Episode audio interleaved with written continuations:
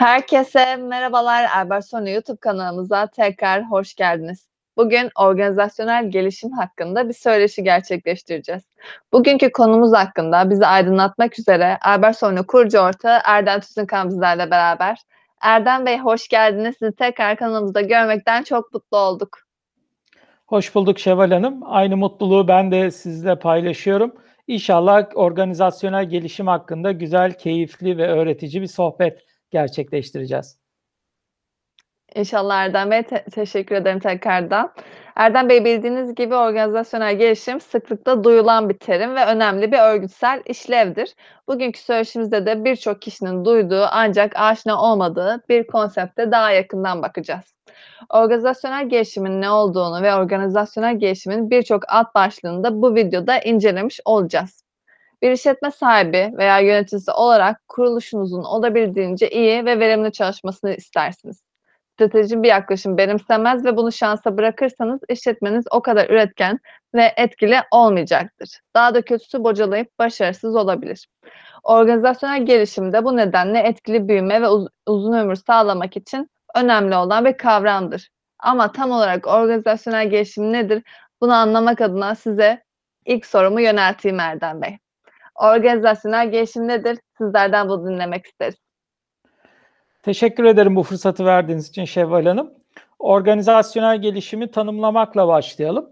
Organizasyonel gelişim bir organizasyonun mevcut ve gelecekteki olası gereksinimlerini karşılamak için iç kapasitesini geliştirdiği bir süreçtir aslında. Ee, bir başka anlatımla aslında e, şimdi iş tasarımı, organizasyonel yapı, hiyerarşik yapı, performans analizleri, üretkenlik analizleri ve işbirliğine dayalı bir öğrenme ortamı geliştirir aslında organizasyonel gelişim. E, baktığınız zaman organizasyonel gelişimin şu anlama geldiğini ifade edebiliriz. E, bir kültür ve ina, kültür, inanç ve de, temel değerleri değiştirmeye dönük uzun vadeli yaklaşımlardır. İki, kuruluşun, organizasyonun süreçlerini, stratejilerini ve uygulamalarını iyileştirmeye dönük faaliyetlerin bütününe verilen isimdir. Üç, e, örgütsel değişime sistematik yaklaşımlar getiren bir metodolojidir denebilir organizasyonel gelişim için. Organizasyonel gelişim için her şeyden önce şunları bilmek lazım Şevval Hanım. Bir, bugünkü durumumuz nedir? Bunu çok iyi, yani esas bunu sorarak başlamak lazım. İki, gelecekte nerede olmak istiyoruz? Çünkü organizasyonel olarak gelişeceksek A noktasından B noktasına doğru bir hamle yapmamız gerekiyor. Şirketimizin tamamı, organizasyonumuzun tamamı olarak. İşte bu hamlenin nasıl olacağını kendimize sorarak zaten organizasyonel gelişime başlamamız gerekiyor. E, bu noktada başka bir tanım daha yapmak istiyorum. Biraz daha insan kaynakları e, süreçleri ve insan kaynakları departmanı özelinde ele alınabilecek bir tanım da şöyle olabilir. Normalde insan kaynakları departmanının e, iç müşterisi aslında şirketin diğer departman ve süreçleridir. Örnek vermek gerekirse mesela insan kaynakları departmanı üretim departmanı için bir iş daha doğrusu üretim departmanına bir iç müşteridir. Şundan dolayı üretim departmanı bir kaynak ister. Mesela işte yeni bir şey üretmek istiyordur. Yeni bir makine almak almıştır. Fakat onu çalıştıracak operatörü yoktur. O operatör için insan kaynaklarına başvurur. Der ki ben senden bir eleman bulmanı istiyorum bana. CNC operatörü bulmanı istiyorum. İşte insan kaynakları departmanı da bir iç müşteri mantığında ona hizmet verir. Yani üretim departmanına hizmet verir. İşte organizasyonel değişim, e, özür dilerim, organizasyonel gelişim sürecinin kendisi de insan kaynakları departmanına iç müşteri olan bir süreçtir. Yani organizasyonel gelişim insan kaynakları departmanının e, temel ihtiyaçlarını, geleceğe dair olan temel beklentilerini anlayıp ona bu beklentileri karşılayacak çözümleri sunma sanatıdır. Veya bazen bunu dışarıdan profesyonel danışmanlık desteği gibi destekler alarak şirketler yaparlar. Bazen de insan kaynakları departmanının altında yeni bir süreç ve belki bir organizasyonel yapı tanımlayıp işte organizasyonel gelişim uzmanları gibi e, bu yapılar tarafından organizasyonu geliştirmek için iç müşteri mantığında insan kaynakları departmanının geneline hizmet verilir. Dolayısıyla buradaki temel amaç aslında insan kaynakları süreçlerini daha iyiye götürmek ve daha efektif hale getirmektir. Burada efektif kavramını yani verimli kavramını özellikle altını çizmek istiyorum. Çünkü e, biraz da hani toparlamak gerekirse organizasyonel gelişim aslında bir şirketin, bir kurumun e, gelecekte var olmak istediği yer, yere, e, rekabette bulunmak istediği e, pasta dilimine göre bugünkü şartlarında, stratejilerinde, organizasyonunda, insan kaynağında, çalışanlarında yapmak istediği verimlilik arttırıcı, e, katma değeri arttırıcı hamlelerin bütününe verilen isimdir. Dolayısıyla aslında esas amaç her zaman hem organizasyonun tamamı için hem de insan kaynakları süreçleri için her zaman daha ileriye, daha iyiye gitmektir organizasyonel e, gelişim e, projelerinde. Bunu diyerek e, sözü size tekrar vermiş olayım Şevval Hanım. Erdem Bey çok teşekkür ederim cevabınız için. Bu kapsamda organizasyonel gelişim kapsamında zaten tanımını yaparken önemini de birazcık anlamış olduk ama daha derine inmek isterim bu konunun. Bu kapsamda organizasyonel organizasyon gelişimin şirketler için önemi nedir? Şirketler neden organizasyonel olarak gelişmek zorundadır? Sizlerden bunu da dinlemek isteriz Erdem Bey. E, pek tabii ki Şevval Hanım. Şimdi organizasyonel gelişimin önemi e, insanlığın önemi gibidir aslında. Şöyle ki şimdi organizasyon insanlardan oluşan bir yapıdır. Bir amaç uğruna bir araya gelmiş ve aynı amaç uğrunda emeklerini ortaya koyup bir hedefe varmaya çalışan bir kurumdur aslında bir organizasyon. Dolayısıyla bu kurumun başarıya ulaşması aslında insanların bireysel olarak da başarıya ulaşmasıyla bir nevi eş anlamlıdır, eş değerdedir. Şimdi bu bakış açısından hareketle e, insanlık çok ciddi bir dönüşümün eşiğinde ve bu sadece bu zaman dilimine ait bir dönüşüm değil. E, hayat ve insanlık aslında çok hızlı bir devinim içinde akmakta. Dolayısıyla insanların oluşturduğu aslında şirketler, kurumlar, organizasyonlar da çok hızla değişen dünyada sürekli akmaktalar. Gözünüzde bir e, akarsuyu canlandırın, bir dereyi canlandırın. O nasıl böyle gürül gürül akıyorsa, hani köpük köpük böyle işte içindeki kayalara çarparak çok hızlı akan bir baktığınız andaki bakışı kafanızı çevirip tekrar baktığınızda aynı resmi nasıl ki göremiyorsanız aslında iş hayatında da bunu göremiyorsunuz. O yüzden bir gün öncesinin, bir hafta öncesinin, bir yıl öncesinin, on yıl öncesinin çözümleri artık şu anki günümüzde işlevsiz hale gelebiliyor. Dün dediğiniz bugün geçersiz hale gelebiliyor.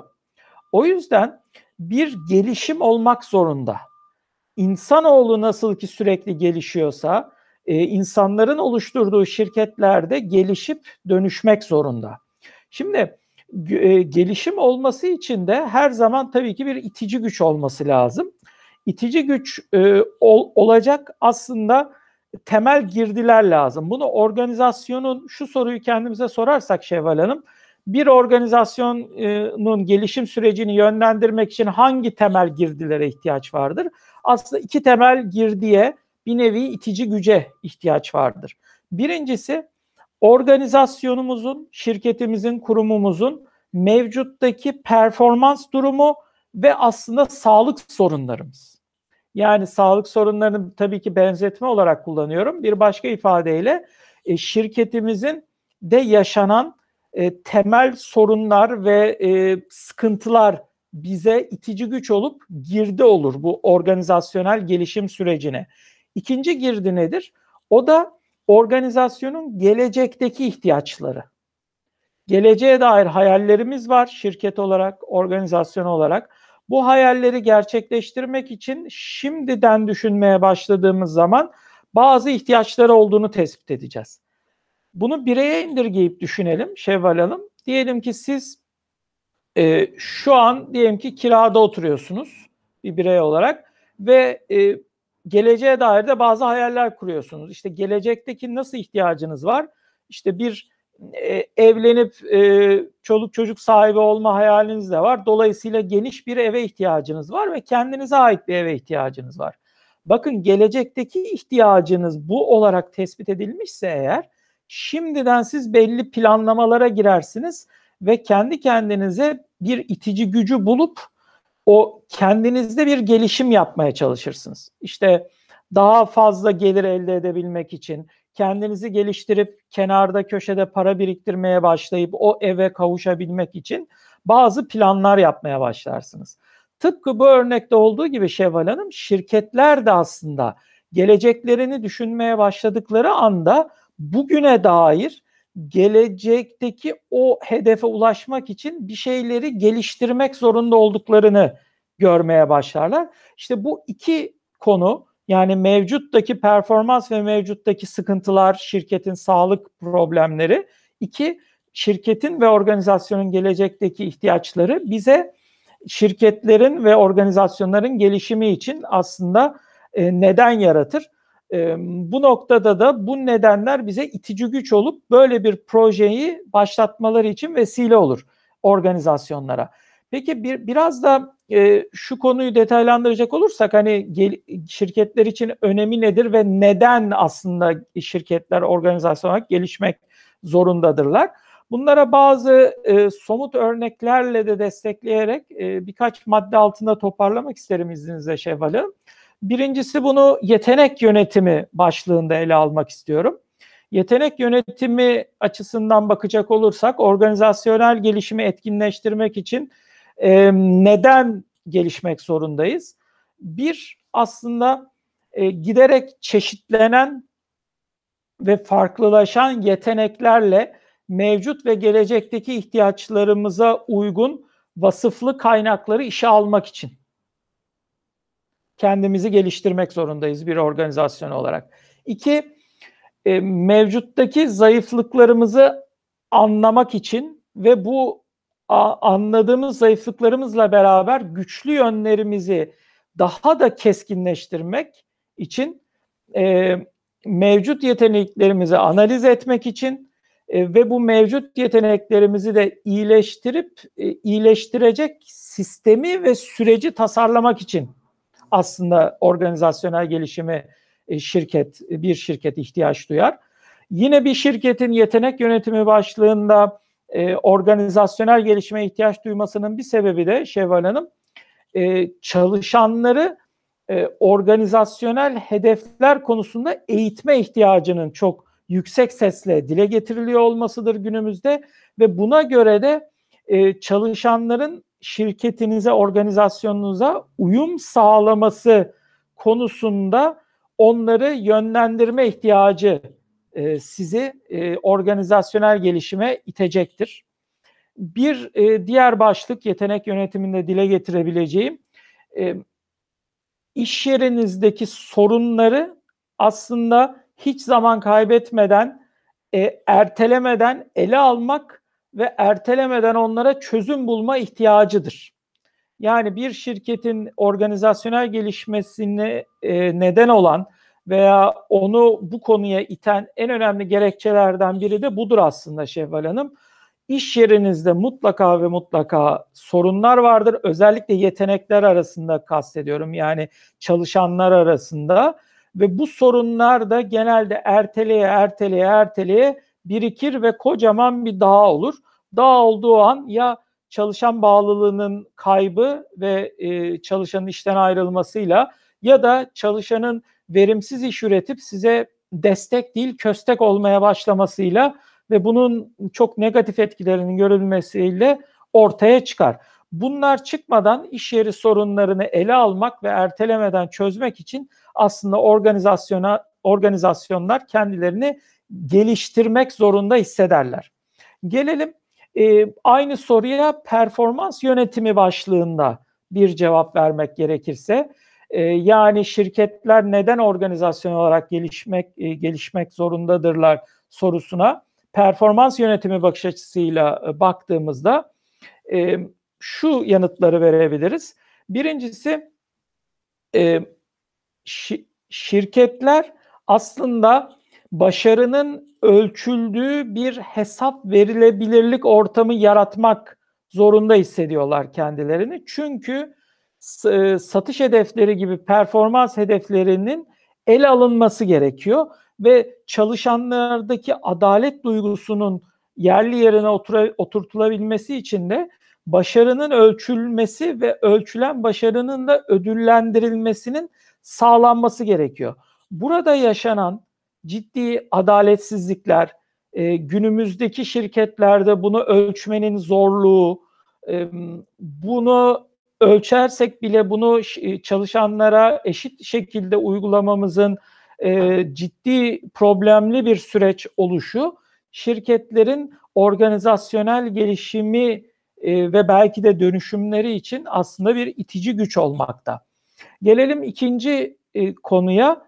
Aslında çok basit bir şekilde ifade edilebilecek bir konu. Şirketler aslında organizasyonel olarak gelişmek istiyorlar çünkü önemli olanı ölçmek istiyorlar performanstan bahsediyoruz malumunuz. Performans yönetiminde aslında her hiçbir şeyin ölçülmediği dönem geride kaldı.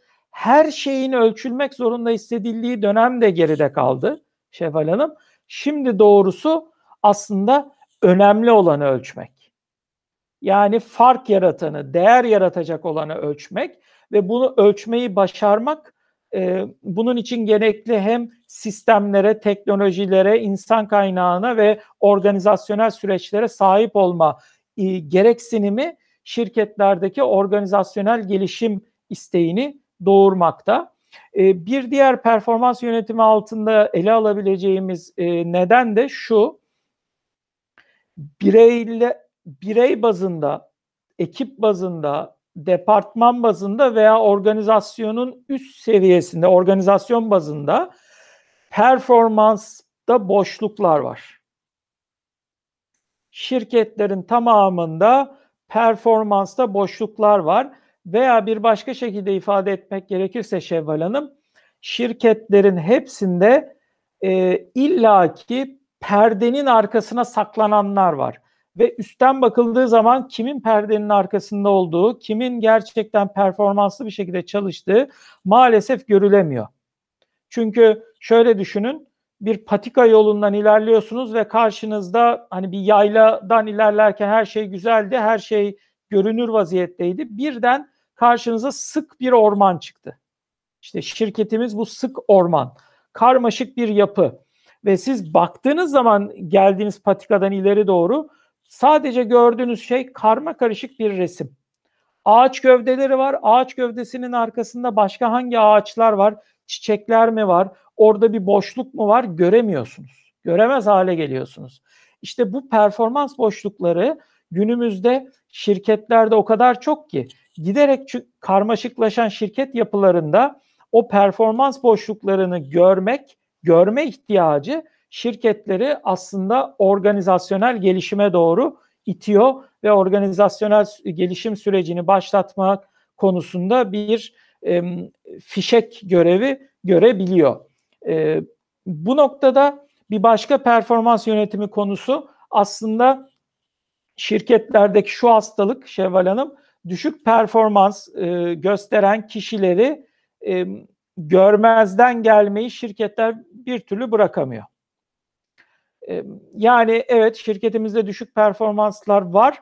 Fakat bu düşük performansları acaba iyileştirme yönünde bir şey yapıyor muyuz?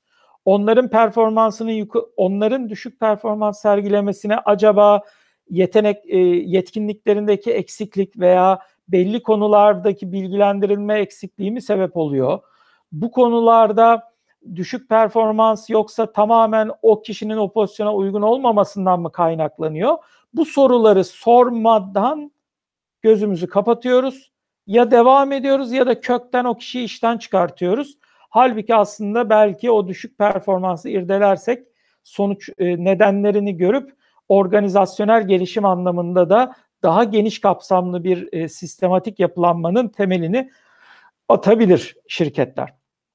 E, bu bu söylediğimle hani performans yönetimi başlığını kapatmış olalım.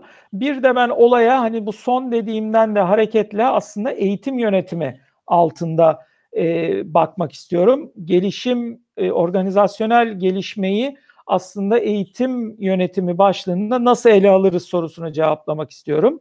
E, şimdi şirketleri buna iten bir konu e, eğitim ve mesleki gelişim anlamında e, kaynaklar bulmak zorunda hissetmeleri kendilerini. Çünkü devamlı çalışanlar, personeller, e, şirketleri biz e, kendimizi şu konuda geliştirmek istiyoruz diye zorluyorlar. Artı kişilerin yetkinlik e, temelli, yetkinlik bazlı bir yetenek yönetimi uygulayan şirketlerde yetkinlikleri geliştirme yönünde zaten insan kaynakları departmanının her bir kişiye atadığı bazı eğitim ve mesleki gelişim alanları oluyor. İşte bu noktalar şirketleri kümülatif bakış açısında aslında organizasyonel gelişime doğru itiyor. E, ikinci konu aslında e, öğrenmenin, öğrenme sürecinin doğrudan iş odaklı ve hani kişinin görevini yerine getirmesi, teslim etmesi, görevini ifa etmesiyle ilişkili olma konusu. Bunu biraz açmak isterim. Şimdi eğitim yönetimi olarak evet kişiler kendilerini geliştireceğini düşündüğü birçok alanda eğitim almak isteyebilirler. Halbuki esas burada konuşulması gereken o kişinin değer yaratacağı alan ve temel görev ve fonksiyonu neyse organizasyonda o operasyonel model içerisindeki o kişinin yerini iyileştirici, daha iyi ve daha verimli çalışabilmesi için onun önünü açıcı alanlarda öğrenmeye odaklanmasını sağlamak. Ee, örnek vermek gerekirse e, mesela diyelim ki bir kişi işte depoda görevli ve yani bir e, Türk firmasından bahsediyoruz ve uluslararası bir şeyi de yok tamamen işte her e, işi yurt içinde diyelim ki depo görevlisinin kişisel gelişim olarak İngilizce öğrenmek istemesi pek tabii ki olumlu bir gelişmedir. Fakat yaptığı işle bir çıktı anlamında yaratacağı değer anlamında bir bağlantısı var mı diye sorusunu bu soruyu sorduğumuzda pek bir bağlantı gözükmemekte.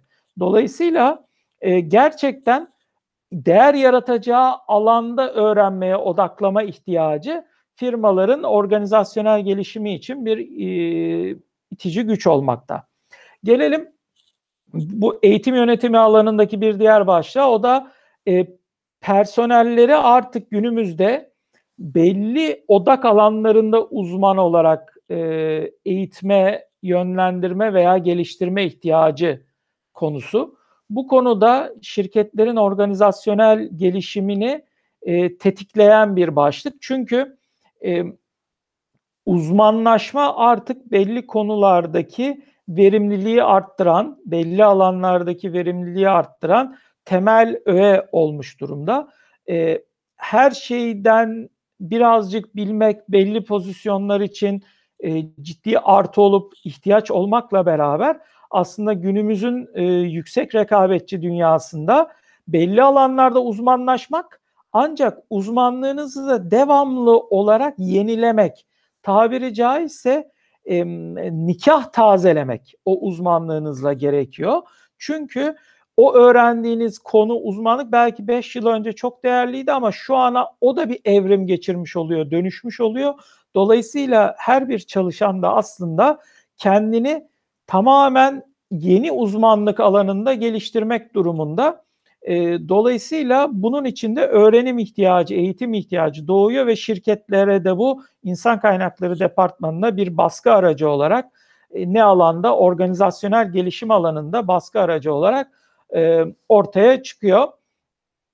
E, temel olarak da hani eğitim yönetiminde bunu söyleyerek kapatmış olayım.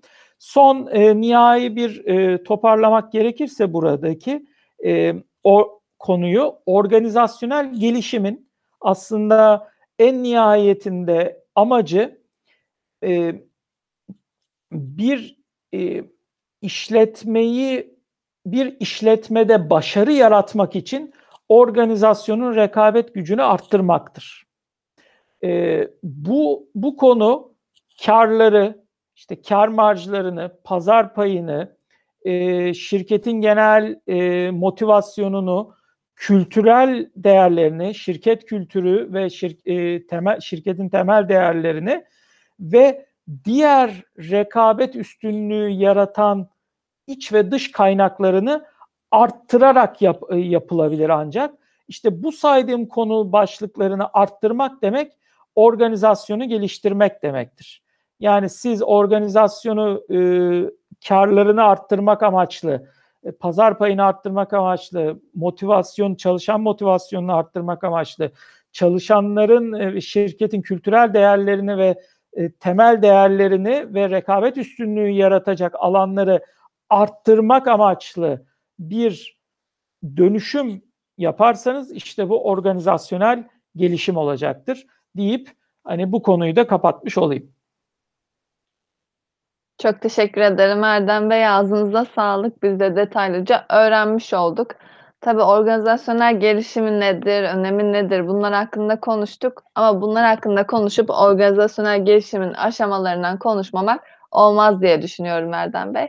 Bu kapsamda organizasyonel gelişim aşamaları nedir ve bir şirket organizasyonu nasıl dönüştürülür? Dilerseniz bunlar hakkında da konuşalım. Tabii ki Şevval Hanım. Şimdi organizasyonel gelişim bir kere uzun soluklu bir süreçtir. Ee, organizasyonel değişimi dönüşümle karıştırmamak gerekir. Yeri gelmişken bunu da vurgulayayım Şevval Hanım. Evet ikisi bazen kol kola el ele gidebilirler. Bunda bir problem yok ama organizasyonel gelişim eşittir organizasyonel dönüşüm değildir. Ee, en temel farkı da organizasyonel gelişimin uzun soluklu ve e, şirketi ileriye taşıyacak bir gelişim projesi olmasıdır. Organizasyonel dönüşüm kavramı ise daha kısa erimli, kısa vadeli, e, yıkıcı ve dönüştürücü bir proses olmasıdır. Yani organizasyon bir günde dönüşebilir ama bir günde gelişemez.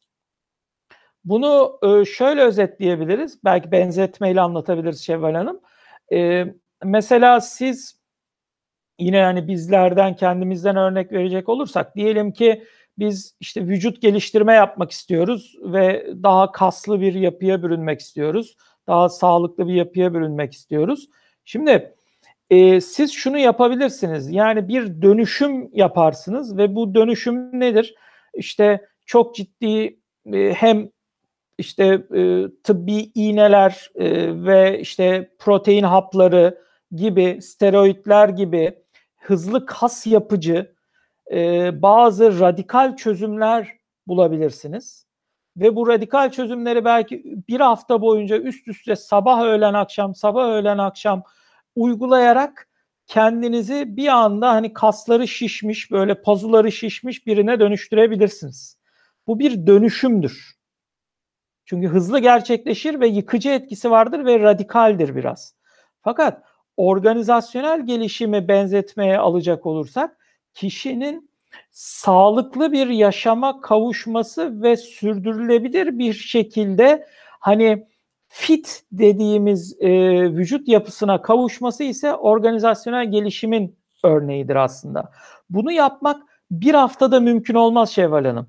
Çünkü sizin bütün e, vücut e, ritminizi buna ayarlamanız gerekir. İşte yiyeceğiniz yiyeceklerin dengesini sağlamanız gerekir. Proteinden, vitaminden, karbonhidrattan, yağlardan e, dengeli beslenmeye geçmeniz gerekir. Düzenli spor mantığına geçmeniz gerekir. Düzenli bir şekilde ilerleme gösterdiğinizi e, yapmanız gerekir. Kendinize hedefler koymanız mesela her hafta kilo bazında ne oldum, yağ yağ kütlesi oranım ne oldu, bunu ölçümlemeniz ve bu ölçümü devamlı bir şekilde göz önünde tutmanız gerekir. İşte sürekli belki e, kan değerlerinizi takip altında tutmanız gerekir. İşte beslenmenizden sporunuza belki e, sağlıklı bir çevre içinde bulunmak için şehrin göbeğinden işte ne bileyim e, belki yeşilliğin bol olduğu daha kırsal alanlara evinizi taşımanız gerekir gibi uzun vadeli gördüğünüz gibi bunların hiçbiri kısa vadede olabilecek şeyler değil. Uzun vadeli bir plan yapmanız ve kendinizi geliştirmeniz gerekir. İşte organizasyonel gelişim de aslında böyle bir şeydir. Şimdi bunu anlattıktan sonra da organizasyonel gelişimin aşamalarını e, biraz daha detaylandırmak isterim Şevval Hanım. Şu, bu detay içinde şunu, şu resmi dinleyenlerimizin gözünde canlandırmak isterim. Şimdi iki durum düşünün, iki kutu düşünün. Birinci kutu bugünümüzün kutusu, bugün. İkinci kutu ise yarınımızın yani geleceğimizin kutusu. Şimdi ben bu kutuların içerisinde ne var ona bakmak istiyorum. İlk önce ki aşamalarını belirleyelim. Her iki kutuda da bir şeyler var. Neler var onlar? Şirketler olarak, organizasyonel olarak düşünecek olursak bugünün kutusunda bir, organiz bugüne ait organizasyonel kültürümüz var. Şirket kültürümüz var. İki, bugüne ait mevcut durumdaki süreçlerimiz var ve bu süreçlerin ait e, alt süreçler var. Çünkü süreçler alt süreçleri doğurur. Giderek detaya inersiniz. E, üçüncüsü bugünkü fotoğrafta organizasyonel yapımız var. Öyle ya da böyle, eksik ya da gedik. E, mükemmel değil. Tamam ama bir organizasyonel yapımız var. Dört, mevcut çalışanlarımız var. Bu bugünkü kutuda. Yarındaki yani gelecekteki kutumuzun içinde ne var? Yine aynıları var. Gelecekte tek fark gelecekte olmak istediğimiz şirket kültürümüz var o kutunun içerisinde. O kutunun içerisindeki gelecekte olmak istediğimiz, sahip olmak istediğimiz süreçler ve bu süreçlere ait altyapılar var. Üçüncüsü gelecekte olmak istediğimiz, kurmak istediğimiz bir organizasyonel yapı var. Ve dört, gelecekte sahip olmak istediğimiz çalışanlar ve çalışan kalitesi var.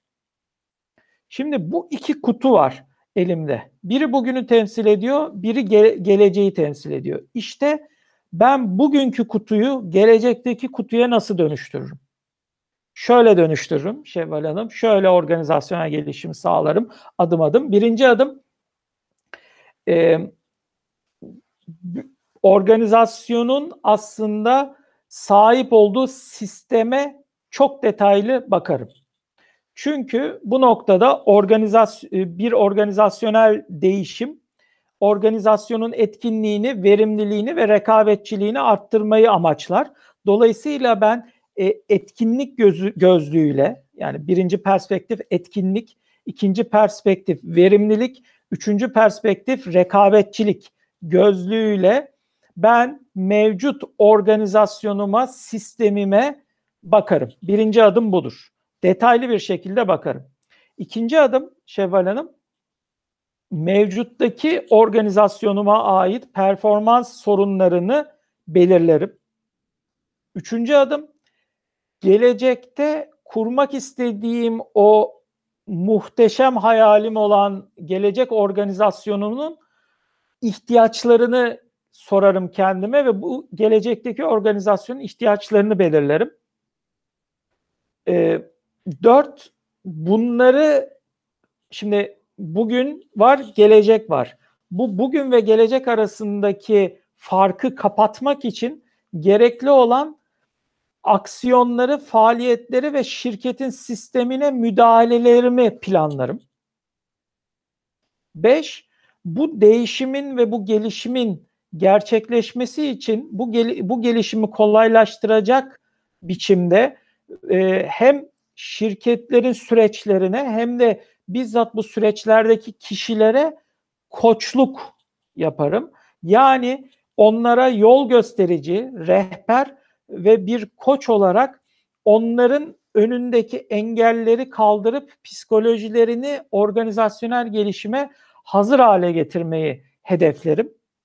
Ve son adım olarak da e, organizasyonel gelişim sürecinin o gelişim ve değişim sürecinin sonrasında e, ara ara çıktılar aslında küçük küçük organizasyonel değişimcikler ve gelişimcikler planlayarak her bir gelişim parçasının e, sonucunda sonuç elde edip etmediğime bakarım ve e, edip e, nasıl bir sonuç elde ettiğime göre de kendimi iyileştirecek önlemleri alıp bu organizasyonel gelişim projesini ilerletirim. Yani ufak ufak başlayarak her bir adımda da kendimi sorgulayarak projenin gidişatını gerekiyorsa yön değiştirerek organizasyonel gelişimi sağlarım. Bu konuda da devamlı şeffaf bir şekilde geri bildirimler alırım. Bunlar aslında organizasyonun e, gelişiminde takip edilmesi gereken temel adımlar. Bu noktada unutmayalım iki kutumuz vardı elimizde. Bugüne ait kutumuz ve geleceğe ait kutumuz.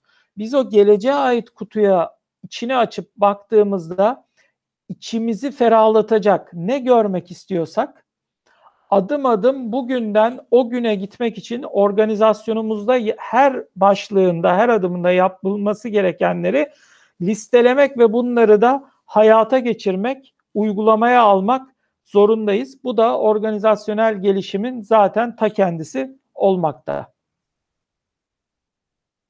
Çok teşekkürler Erdem Bey. Tekrardan çok sağ olun. Organizasyonel gelişim hakkında neredeyse her şeyi öğrendik buraya kadar. Ama daha da iyi anlamaya ve organizasyonel gelişimi tamamen çözmek için bir sorunu daha soracağım örneklerle alakalı. Organizasyonel gelişim örnekleri verebilir misiniz Erdem Bey bize? Pek tabii ki burada e, organizasyonel gelişim aslında e, şirketler farkında olsa da olmasa da mutlaka kendi hayatlarında olan bir şey. Organizasyonel gelişimin çok büyük gelişim örnekleri olabildiği gibi çok küçük gelişimlerde aslında çok ciddi değerler yaratabiliyorlar. Bunun e, çok sayıda örneği mevcut.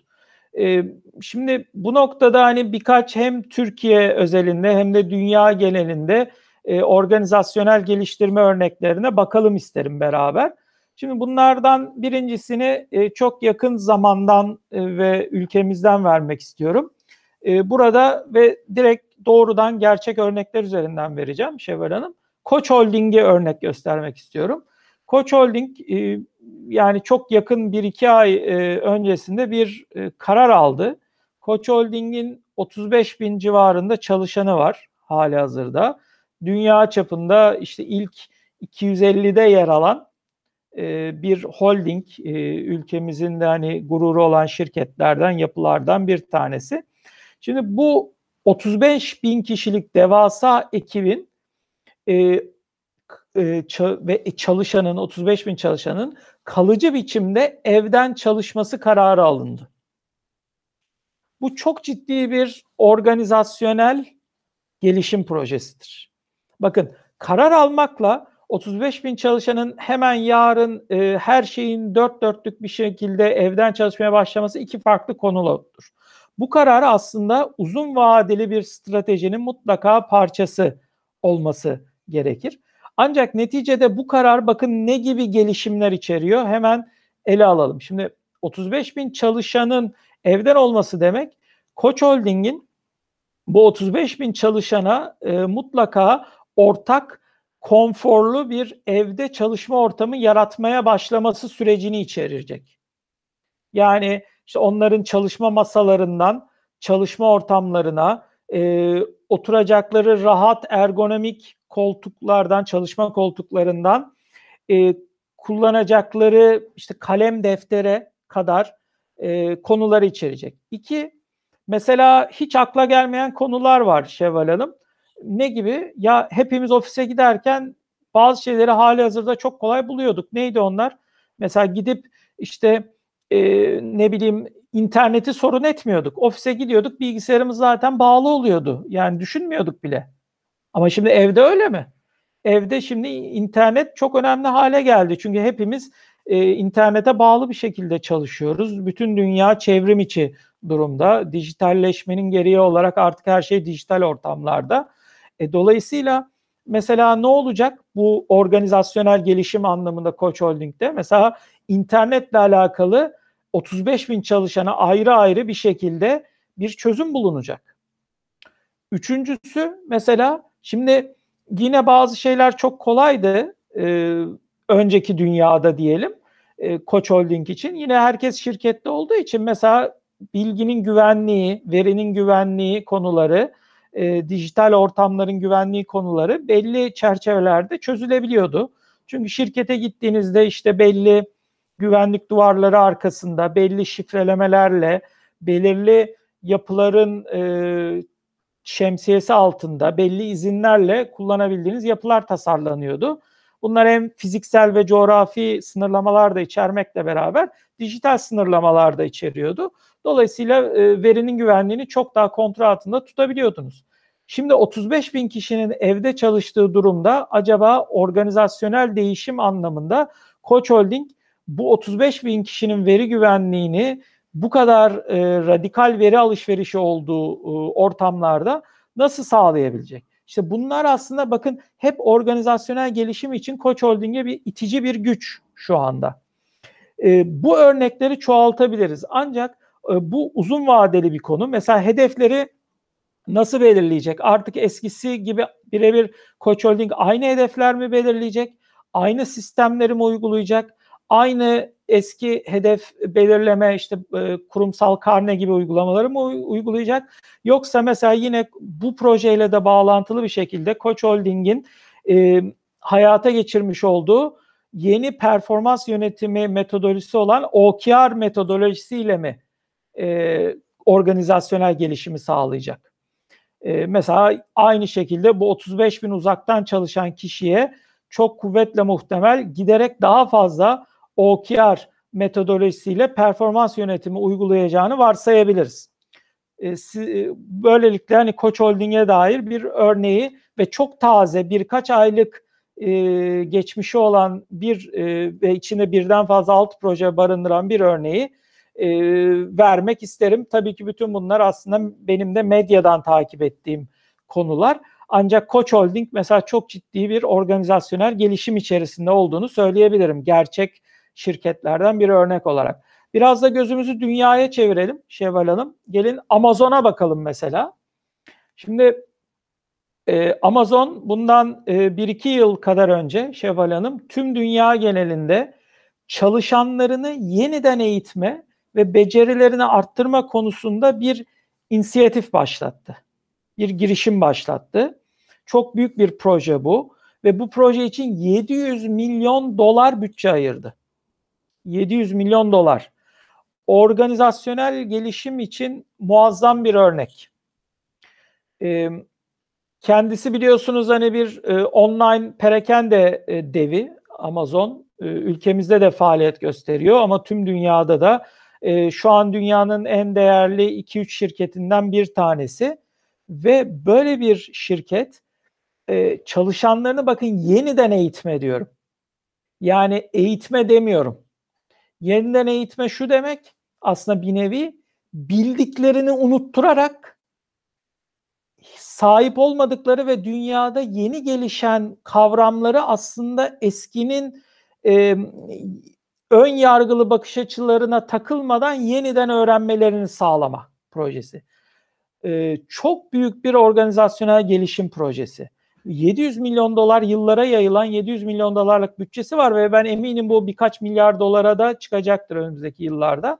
Bu e, cidden hani ileri görüşlü olan bu proje kendi çalışanlarını Amazon açısından önümüzdeki yıllarda daha dirençli, değişimlere karşı daha dirençli ve daha hayatta kalan kılmayı amaçlıyor. Aynı zamanda da e, şirket e, aynı zamanda hani bu kurumun Amazon'un şi, e, daha hani modern ve e, şirketle alakalı olan şirketin hedefleriyle uyumlu eğitim programları geliştirmesine de vesile olacak bir program e, ve klasik bakış açılarından kurtulup e, gerçekten kendini dünyanın yeni dinamiklerine uydurması için çalışanları eğitme odaklı bir program. Çok önemli bir organizasyonel gelişim örneği olduğunu belirtebilirim. Onun haricinde e, bir başka örnek mesela yine e, uluslararası bir firmadan gidelim. Starbucks. Starbucks Starbucks'ın bu anlamda organizasyonel gelişim anlamında örnek verilebilecek aslında çevre girişimleri var. Şimdi e, biliyorsunuz tüm dünya genelinde çok tanınmış ve bilinen dünyanın belki de en yaygın e, kahve şirketi. E, geri dönüşüm alanında, kağıt bardakları azaltma alanında, enerji tüketimi alanında, yeşil enerji anlamında bu ve benzeri çevre dostu girişimler başlattı. Bunların her biri bir gün aşırı yani bugünden yarına olacak şeyler değil şirket içerisindeki bir gelişim programı bu ve e, doğal olarak da bu uzun vadeli değişiklikler çevreyi olumlu yönde etkileyecek. Pek tabii ki bu etkilerken bu şirket bunu Starbucks bunu bir masraf merkezi olarak görmek yerine aslında şirketin hem imajını yani marka bilinirliğini ve markanın imajını hem de şirketin kar marjını aslında iyileştirecek bir gelişim projesi olarak görüyor. Yani bu sadece işte çevreye uyumlu olalım ve daha karımızdan fedakarlık edelim bakış açısıyla değil. İşte kağıt bardakları nasıl azaltırızı organizasyonel olarak düşündüğü zaman e, geri dönüşümü nasıl sağlarızdan bir ekonomik değer yaratmaya çalıştığı zaman işte o kahvede kullandığı işte ne bileyim peçeteleri nasıl tekrar geri dönüşüme sokarızı düşünüp e, değer yaratmaya başladığı zaman aslında organizasyonel gelişim mantığına girmiş oluyor. E, ve Starbucks bunu bütün organizasyonel yapılarına yaydığı zaman bugün Türkiye'deki bir Starbucks'a gitseniz de, Singapur'dakine gitseniz de, Amerika Birleşik Devletleri'ndekine gitseniz de aynı organizasyonel uygulamayı göreceğiniz için bu çevre girişimi konusunda e, gerçekten organizasyonel gelişimin e, önemli bir örneğiyle karşı karşıya olduğunuzu anlayacaksınızdır diye düşünüyorum. E, bir diğer bu konudaki e, dönüşüm, gelişim örneği daha doğrusu Walmart'ı verebilirim. Şimdi Walmart'ta e, şimdi biliyorsunuz e, çevresel koşullar e, gelişime zorlayan iç ve dış çevre koşulları şirketleri değişime ve gelişime zorlayan ana etmenlerden. Bu noktada da az önce örneğini verdiğim Amazon firmasının Walmart'ı resmen köşeye sıkıştırdığı bir gerçek.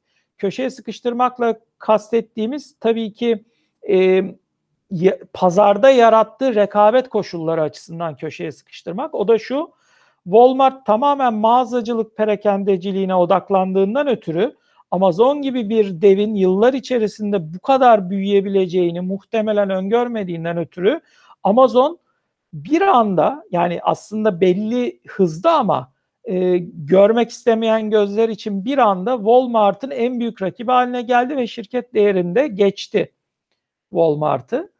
E, dolayısıyla bu Walmart'a çok ciddi bir organizasyonel gelişim baskısı yapıyor.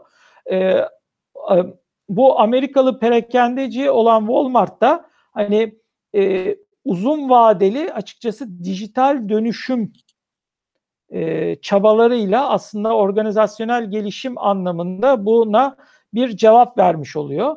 E, bu noktada mesela bu organizasyonel gelişim anlamında neler yaptı Walmart?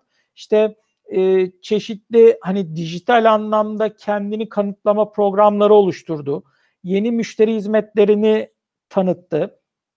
E, eksik olduğu alanlarda satın almalarda bulundu. Mesela ne gibi? İşte organik gıda, dijital anlamda e, çevrim içi yani online organik gıda e, perakendeciliğinde e, Amerika'da önemli yer tutan bazı firmaları bünyesine kattı ve Amazon'la rekabet için organizasyonel gelişmeyi onlardan almaya çalıştı. Bünyesine kattığı daha ufak parçaların kendisini geliştirmesini ve bütün organizasyonuna oradaki yapıları uygulamaya e, çalıştı.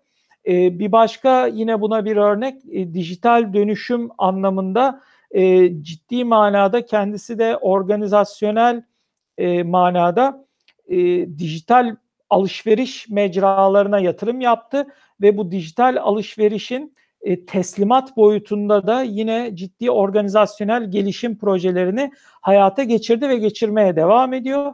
E, tabii Amazon'un hızlı hızı yine de Walmart'tan daha fazla. Dolayısıyla Amazon her bir adım attıkça Walmart aslında iki adım atmak zorunda hissediyor kendini. İşte bu da organizasyonel aslında e, gelişimin bir başka örneğini oluşturmakta. E, bu örneği de vererek e, bu sorunuza da umarım yanıt vermiş oldum Şevval Hanım. Tabii ki Erdem Bey, tekrardan çok sağ olun. Örneklerden bahsedip trendler ve popüler uygulamalardan bahsetmemek olmaz. O halde Erdem Bey, organizasyonel gelişim konusunda dünyadaki trendler ve popüler uygulamalar nelerdir? Sizlerden bunları da çok dinlemek isteriz. Tabii ki Şevval Hanım. E, dünyada ve ülkemizde de hani organizasyonel gelişim konusunda e, popüler olan uygulamalar var veya şöyle ifade edelim, e, giderek popülerleşen e, ihtiyaçlar var.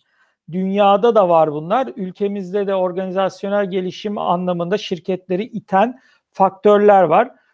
Bu faktörler değişen dünya koşulları, teknolojinin ivmelenmesi, e, dijital dönüşüm baskısı, tüketicilerin artık giderek daha çevre bilincine sahip olması e, gibi konularla tetikleniyorlar.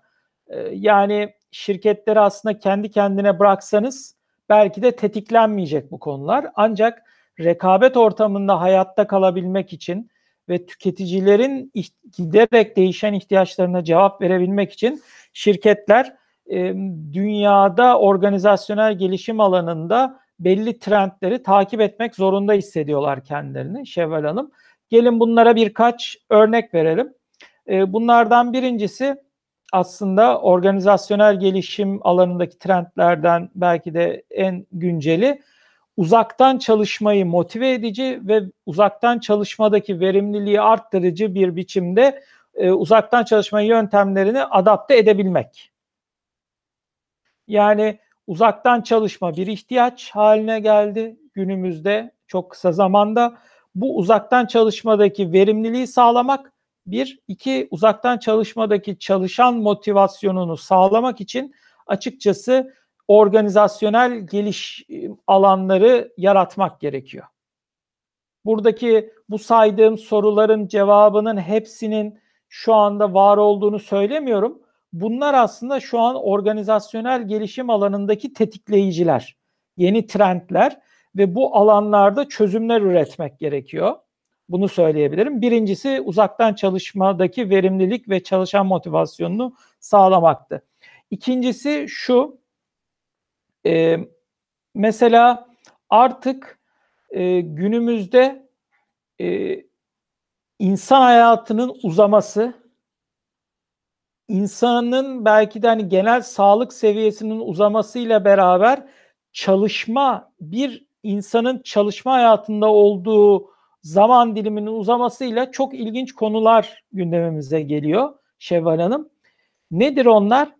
5 ya da hatta ve hatta 6 diyebileceğimiz biraz uç bir örnek verirsek e, kuşağın yani jenerasyonun e, bir arada tek bir organizasyon çatısında aynı anda çalışıyor olduğu gerçeği.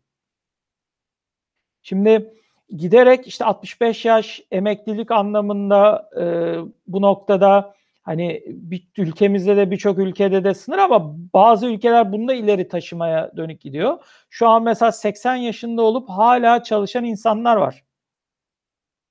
Ve bu e, belki bir 50 sene önce hayal bile edilemezdi. Yani dünyada. Dolayısıyla e, 80 yaşında var ama 18 yaşında da var aynı şirket içerisinde şu an. İşte 30 yaşında da var, 50 yaşında da var, 65 yaşında da var, 80 yaşında da var.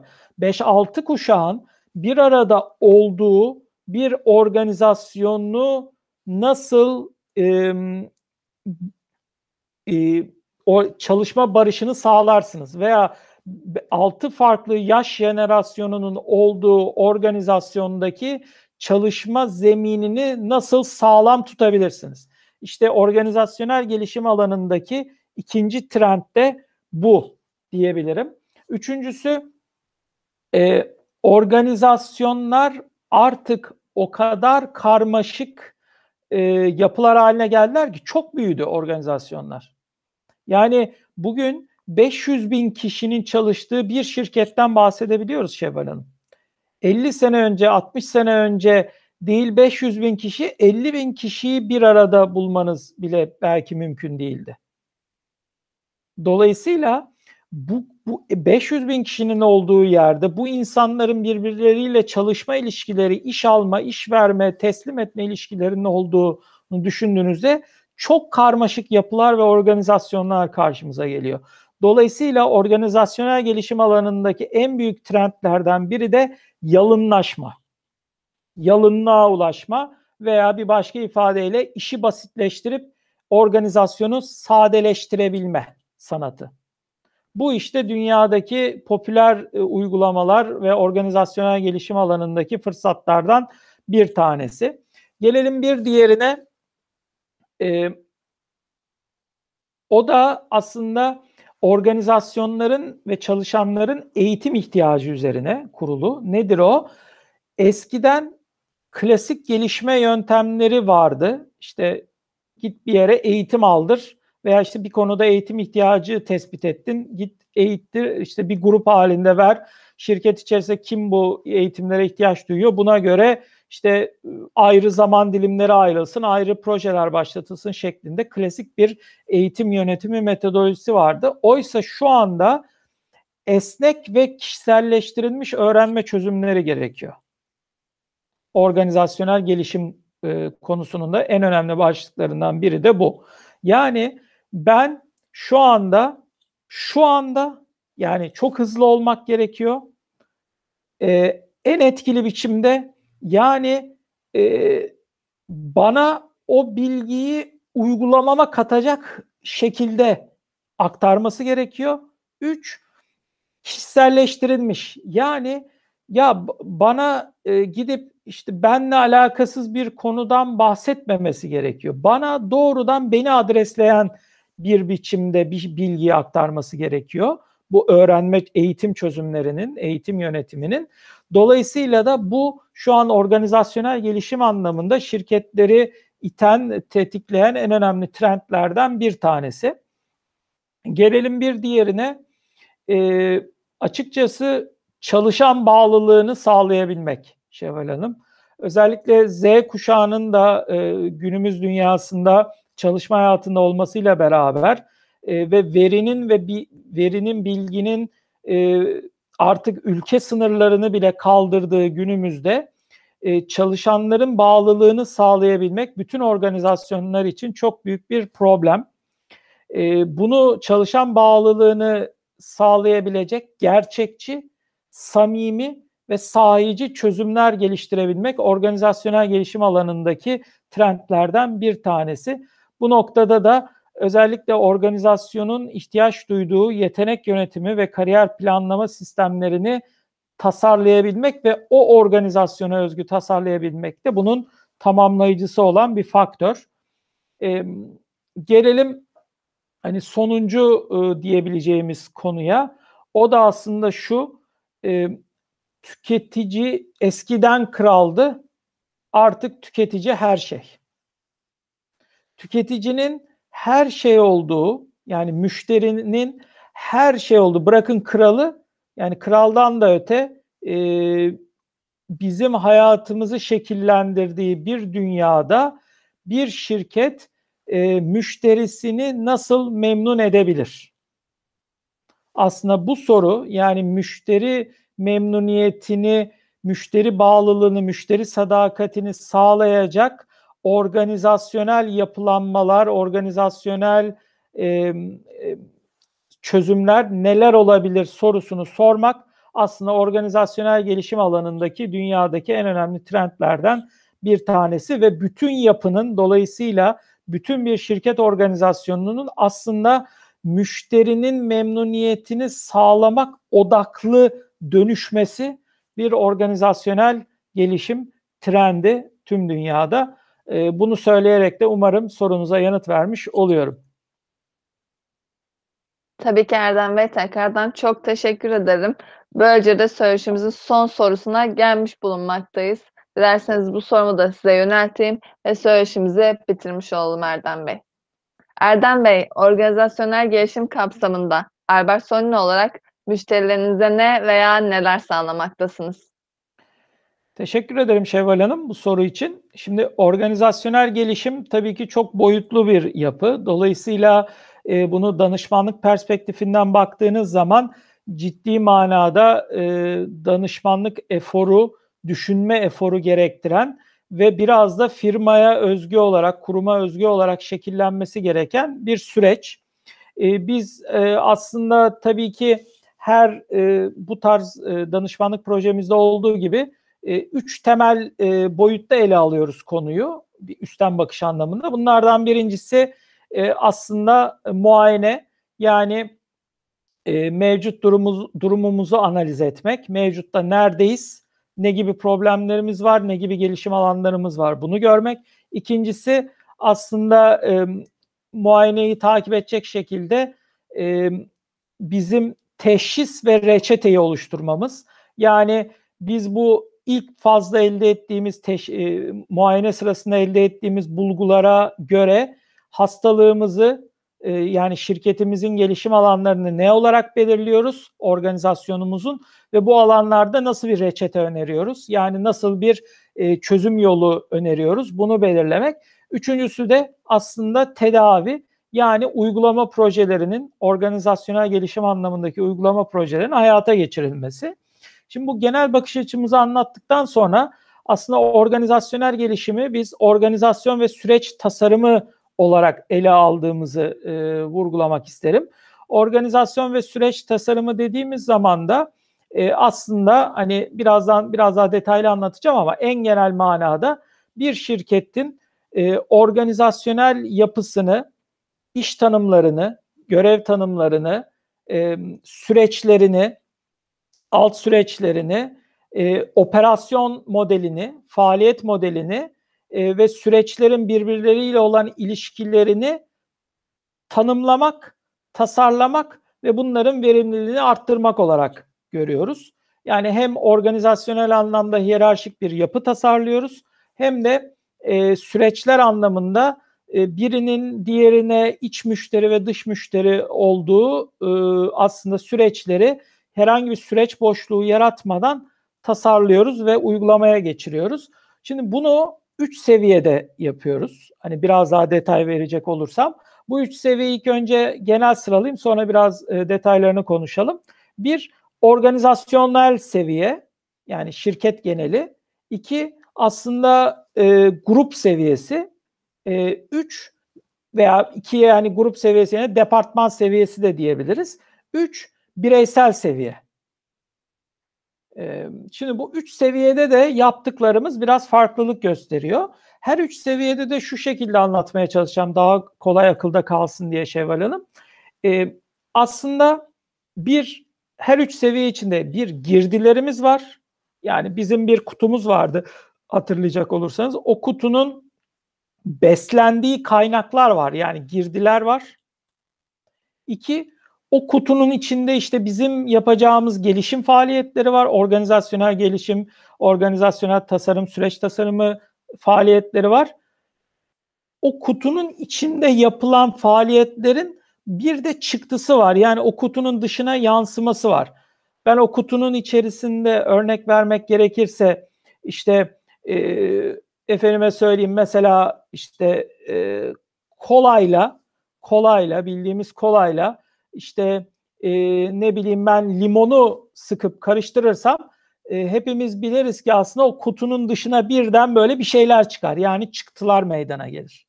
İşte o bu anlattığım gözümüzde canlanan örnekteki gibi bizim yaptığımız faaliyetlerle elde edeceğimiz çıktılar var. Girdiler, faaliyetler ve çıktılar var. Şimdi gelelim e, bu üçü üç seviyede de bunların ne olduğunu anlatmaya. Şimdi organizasyonel seviyede bir organizasyonel de, e, değişim projesinin e, danışmanlık projesinin girdileri şunlar. Bir genel çevre koşulları, işte e, ek, genel o ülkenin ekonomik koşulları, işte o sektörün koşulları, o şirketin bulunduğu yerin koşulları gibi koşullar artı bulunduğu endüstrinin yapısı e, ve işte e, yaptığı faaliyetin e, regülasyonel sınırları yani devlet regülasyonlarına tabi olup olmama durumları aslında organizasyonel seviyedeki bir e, organizasyon değişim ve organizasyonel tasarım projesinin temel girdilerini teşkil ediyor. Organizasyonun üst seviyesinde. Peki organizasyonel e, o kutunun içi dediğimiz tasarım seviyesinin e, komponentleri ne? Yani her bir adımı, faaliyet adımı ne? Şimdi burada da aslında e, beş tane temel adım var organizasyonel seviyede. Bunlardan birincisi strateji. Yani biz e, organizasyonel değişim e, projesinin içerisinde, o kutunun içerisinde stratejimizin ne olduğuna dair anlıyoruz, analiz ediyoruz ve buna dair öneriler ve uyumlulaştırma e, faaliyetleri yürütüyoruz. İki, bizim sahip olduğumuz insan kaynakları sistemleri neler? Bunları analiz ediyoruz. Ee, gelişim alanlarını belirliyoruz ve ondan sonra buradaki önerilerimizi hayata geçirmek üzere uygulama projelerini devre alıyoruz. insan kaynakları sistemleri. Üçüncüsü e, ölçüm yani performans ve ölçüm sistemlerimiz neler? Buradaki yapıları e, şirket bazında ölçüm anlamında e, temel metrikler yani yönetim e, raporlaması veya yönetim metrikleri neler olmalı? Aslında bunu ele alıyoruz. Dördüncüsü yapı. Yani organizasyonel yapı. Organizasyon şeması diye hani daha basitleştirerek anlatabileceğimiz organizasyonel yapının gelecek e, hayal edilen duruma göre tasarımını gerçekleştiriyoruz. Beşincisi de teknoloji. Yani e, biz tüm bu organizasyonel gelişimi hangi teknolojilerle, hangi alt e, de, süreçlerde hangi teknolojilerle hayata geçirebiliriz? Bunu belirliyor ve bunları öneriyoruz şirkete. Tüm bunlar, tüm bunlar hala bu kutu içerisindeyiz. Aslında hayata geçmesinin tek koşulu var. Yani bu kutunun içerisinde hani e, derler ya normal normal şartlar altında işte e, oda sıcaklığında ve bir atmosfer basıncında gibi işte onun şirketteki karşılığı da şirket kültürü. Mutlaka bütün bu saydığım strateji alanındaki tasarım, teknoloji alanındaki tasarım, organizasyonel tasarım, e, ölçüm e, sistemleri ve yönetim metrikleri alanındaki tasarım ve insan kaynakları sistemleri süreçleri anlamındaki tasarımı mutlaka şirket kültürüyle desteklememiz gerekiyor. Buna özel önem veriyoruz. Şimdi gelelim o çıktıda ne yer alıyor? O çıktıda da e, şirketin organizasyonunun verimliliğini arttırmak. Yani organizasyonel değişim projesinin organizasyon seviyesindeki çıktısı organizasyon verimlilik artışı, e, performans artışı e, ve şirket e, paydaşlarının öyle söyleyeyim veya hissedarlarındaki e, memnuniyet artışı. Yani aslında bir nevi bunu açacak olursak kar artışı veya e, halka açık firmalarda mesela hisse değerinin artışı organizasyonel seviyedeki bu böyle bir organizasyona uzun soluklu organizasyonel değişim projesinin genel çıktıları oluyor. Yani az önce örneklerini verdiğim örneğin Amazon'un başlattığı işte belki 5 yıl 10 yılı alacak bir projenin organizasyonel değişim projesinin çıktısı pek tabii ki Amazon hissedarlarının aslında mutluluğunu arttırmak olacaktır. Organizasyonun kesinlikle e, verimliliğini arttırmak olacaktır. Hisse değerini arttırmak ve karını arttırmak olacaktır diye söyleyebiliriz. Tabii bu daha üst bakış açısında. Şimdi bunu bir tık daha ikinci seviyemiz olan e, departman veya grup seviyesine indirecek olursak orada ne yapıyoruz? Girdiğimiz bu sefer organizasyonel tasarım. Şimdi departman bazında irdelediğimiz zaman bizim or oradaki girdiğimiz yapılan organizasyonel tasarım. Peki o kutunun içerisinde bizim e, organizasyonel değişim e, tasarımı elemanları olarak söyleyebileceğimiz neler var? Şimdi bir, e, böyle bir projede bir kere e, görev yapısını ve görev tanımlarını e, yeniden yapılandırıyoruz ve yeniden oluşturuyoruz. İki, e, o departmanın e, yapısını, kendi içerisindeki çalışma mekanizmasını veya kendi alt organizasyonel yapısını yeniden tasarlıyoruz. Üç, e, o departmanın çalışma normlarını yani prosedür ve talimatlarını oluşturuyor ve kurguluyoruz. Dört, e, takım çalışması, ekip çalışması mantığının ne seviyede o departman veya o sürece özgü olarak nasıl hayata geçirileceğini planlıyor, uygul, e, çözüm üretiyor ve bu çözümleri hayata geçiriyoruz. Ve e, beşinci başlık buradaki hedef netliğini sağlıyoruz. Yani o departman özelinde o departmanın alt hedefleri neler? O sürecin alt hedefleri neler? Bunlar nasıl ölçülür? Nasıl değerlendirilir? Nasıl analiz edilir ve nasıl geri bildirimde bulunulur? Ee, spesifik o çalışana veya o departmanın alt bölümlerine bunun, bunun sistem ve süreçlerini tasarlıyoruz. Peki çıktığımız ne? Çıktığımız departman süreç veya o grup seviyesi için takım verimliliğini arttırmak en önemli çıktığımız. Yani o organizasyonun içerisindeki o departmanın verimliliğini arttırmak, birim zamanda daha çok iş ve daha kaliteli iş üretir hale getirmek e, bizim birinci çıktığımız oluyor. E, ikinci çıktığımız o departmanda çalışanların e, çalışma kalitesini veya iş hayatı kalitesini arttırmak oluyor. Üçüncüsü de o departmanda çalışanların genel performans seviyesini yukarıya çıkarmak oluyor. Gelelim e, dördüncü başlığa. O da bireysel seviye yani birey seviyesi, çalışan seviyesi olarak isimlendirdiğimiz. Buradaki kutumuzun içerisine e, girenler neler bizim? Bir, organizasyonel üst e, organizasyon tasarımı var girdiğimiz. İki, e, departman yani grup e, organizasyon yapısı tasarımımız var. Üçüncümüz, üçüncüsü ise burada çalışan bazında olduğumuz için artık çalışanlarımızın her birinin ayrı ayrı karakteristiği var. Yani kişilik özellikleri var. Her bir çalışanın ayrı ayrı kişilik özellikleri bizim bu seviyede yaptığımız organizasyonel e, değişim projesinin girdilerini oluşturmakta.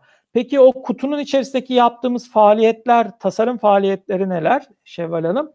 Ee, bir e, gö, orada bir görev tanımlarını e, ve göreve aidiyeti yaratmak, görev tanımlarını oluşturup o görevle o kişiyi aslında tam anlamıyla eşleşir hale getirmek.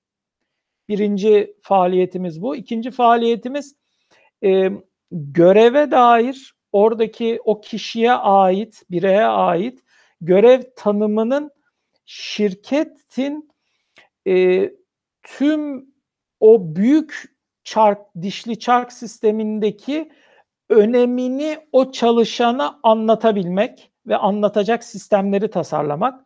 Bir başka ifadeyle Şevval Hanım, e, kişiyi e, şirketteki yaptığı görevin bütüne olan etkisini gösterecek e, sistemleri hayata geçirerek çalışanın bağlılığını arttırmak ve çalışan aidiyet duygusunu arttırmak.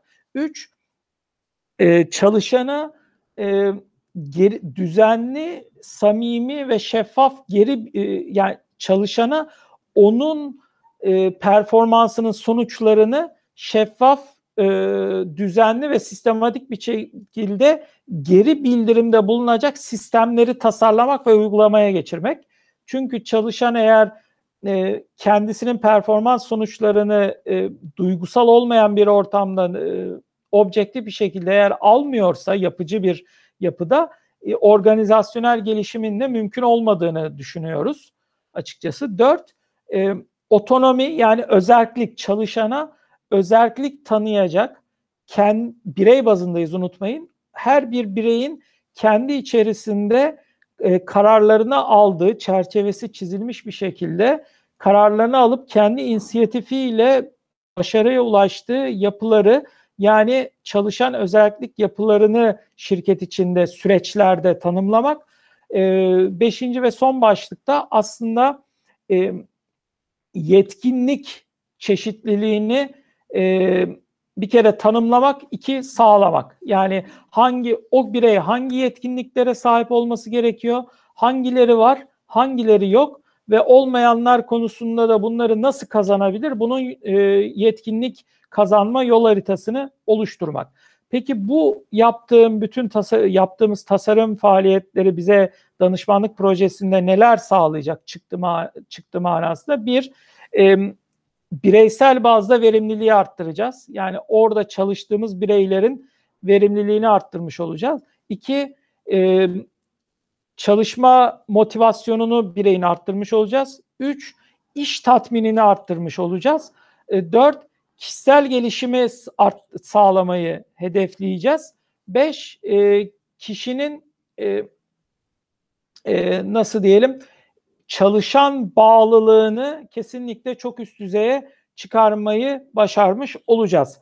E, bütün bunları yaparken de kişi seviyesinde özellikle e, koçluk, yönetici koçluğu kavramının devreye girdiğini, yönetici geliştirme programı gibi e, kavramların devreye girdiğini de danışmanlık projelerimizde ayrıca belirtmek isterim. E, bu şekilde de umarım sorduğun soruya yanıt vermiş oldum Şevval Hanım.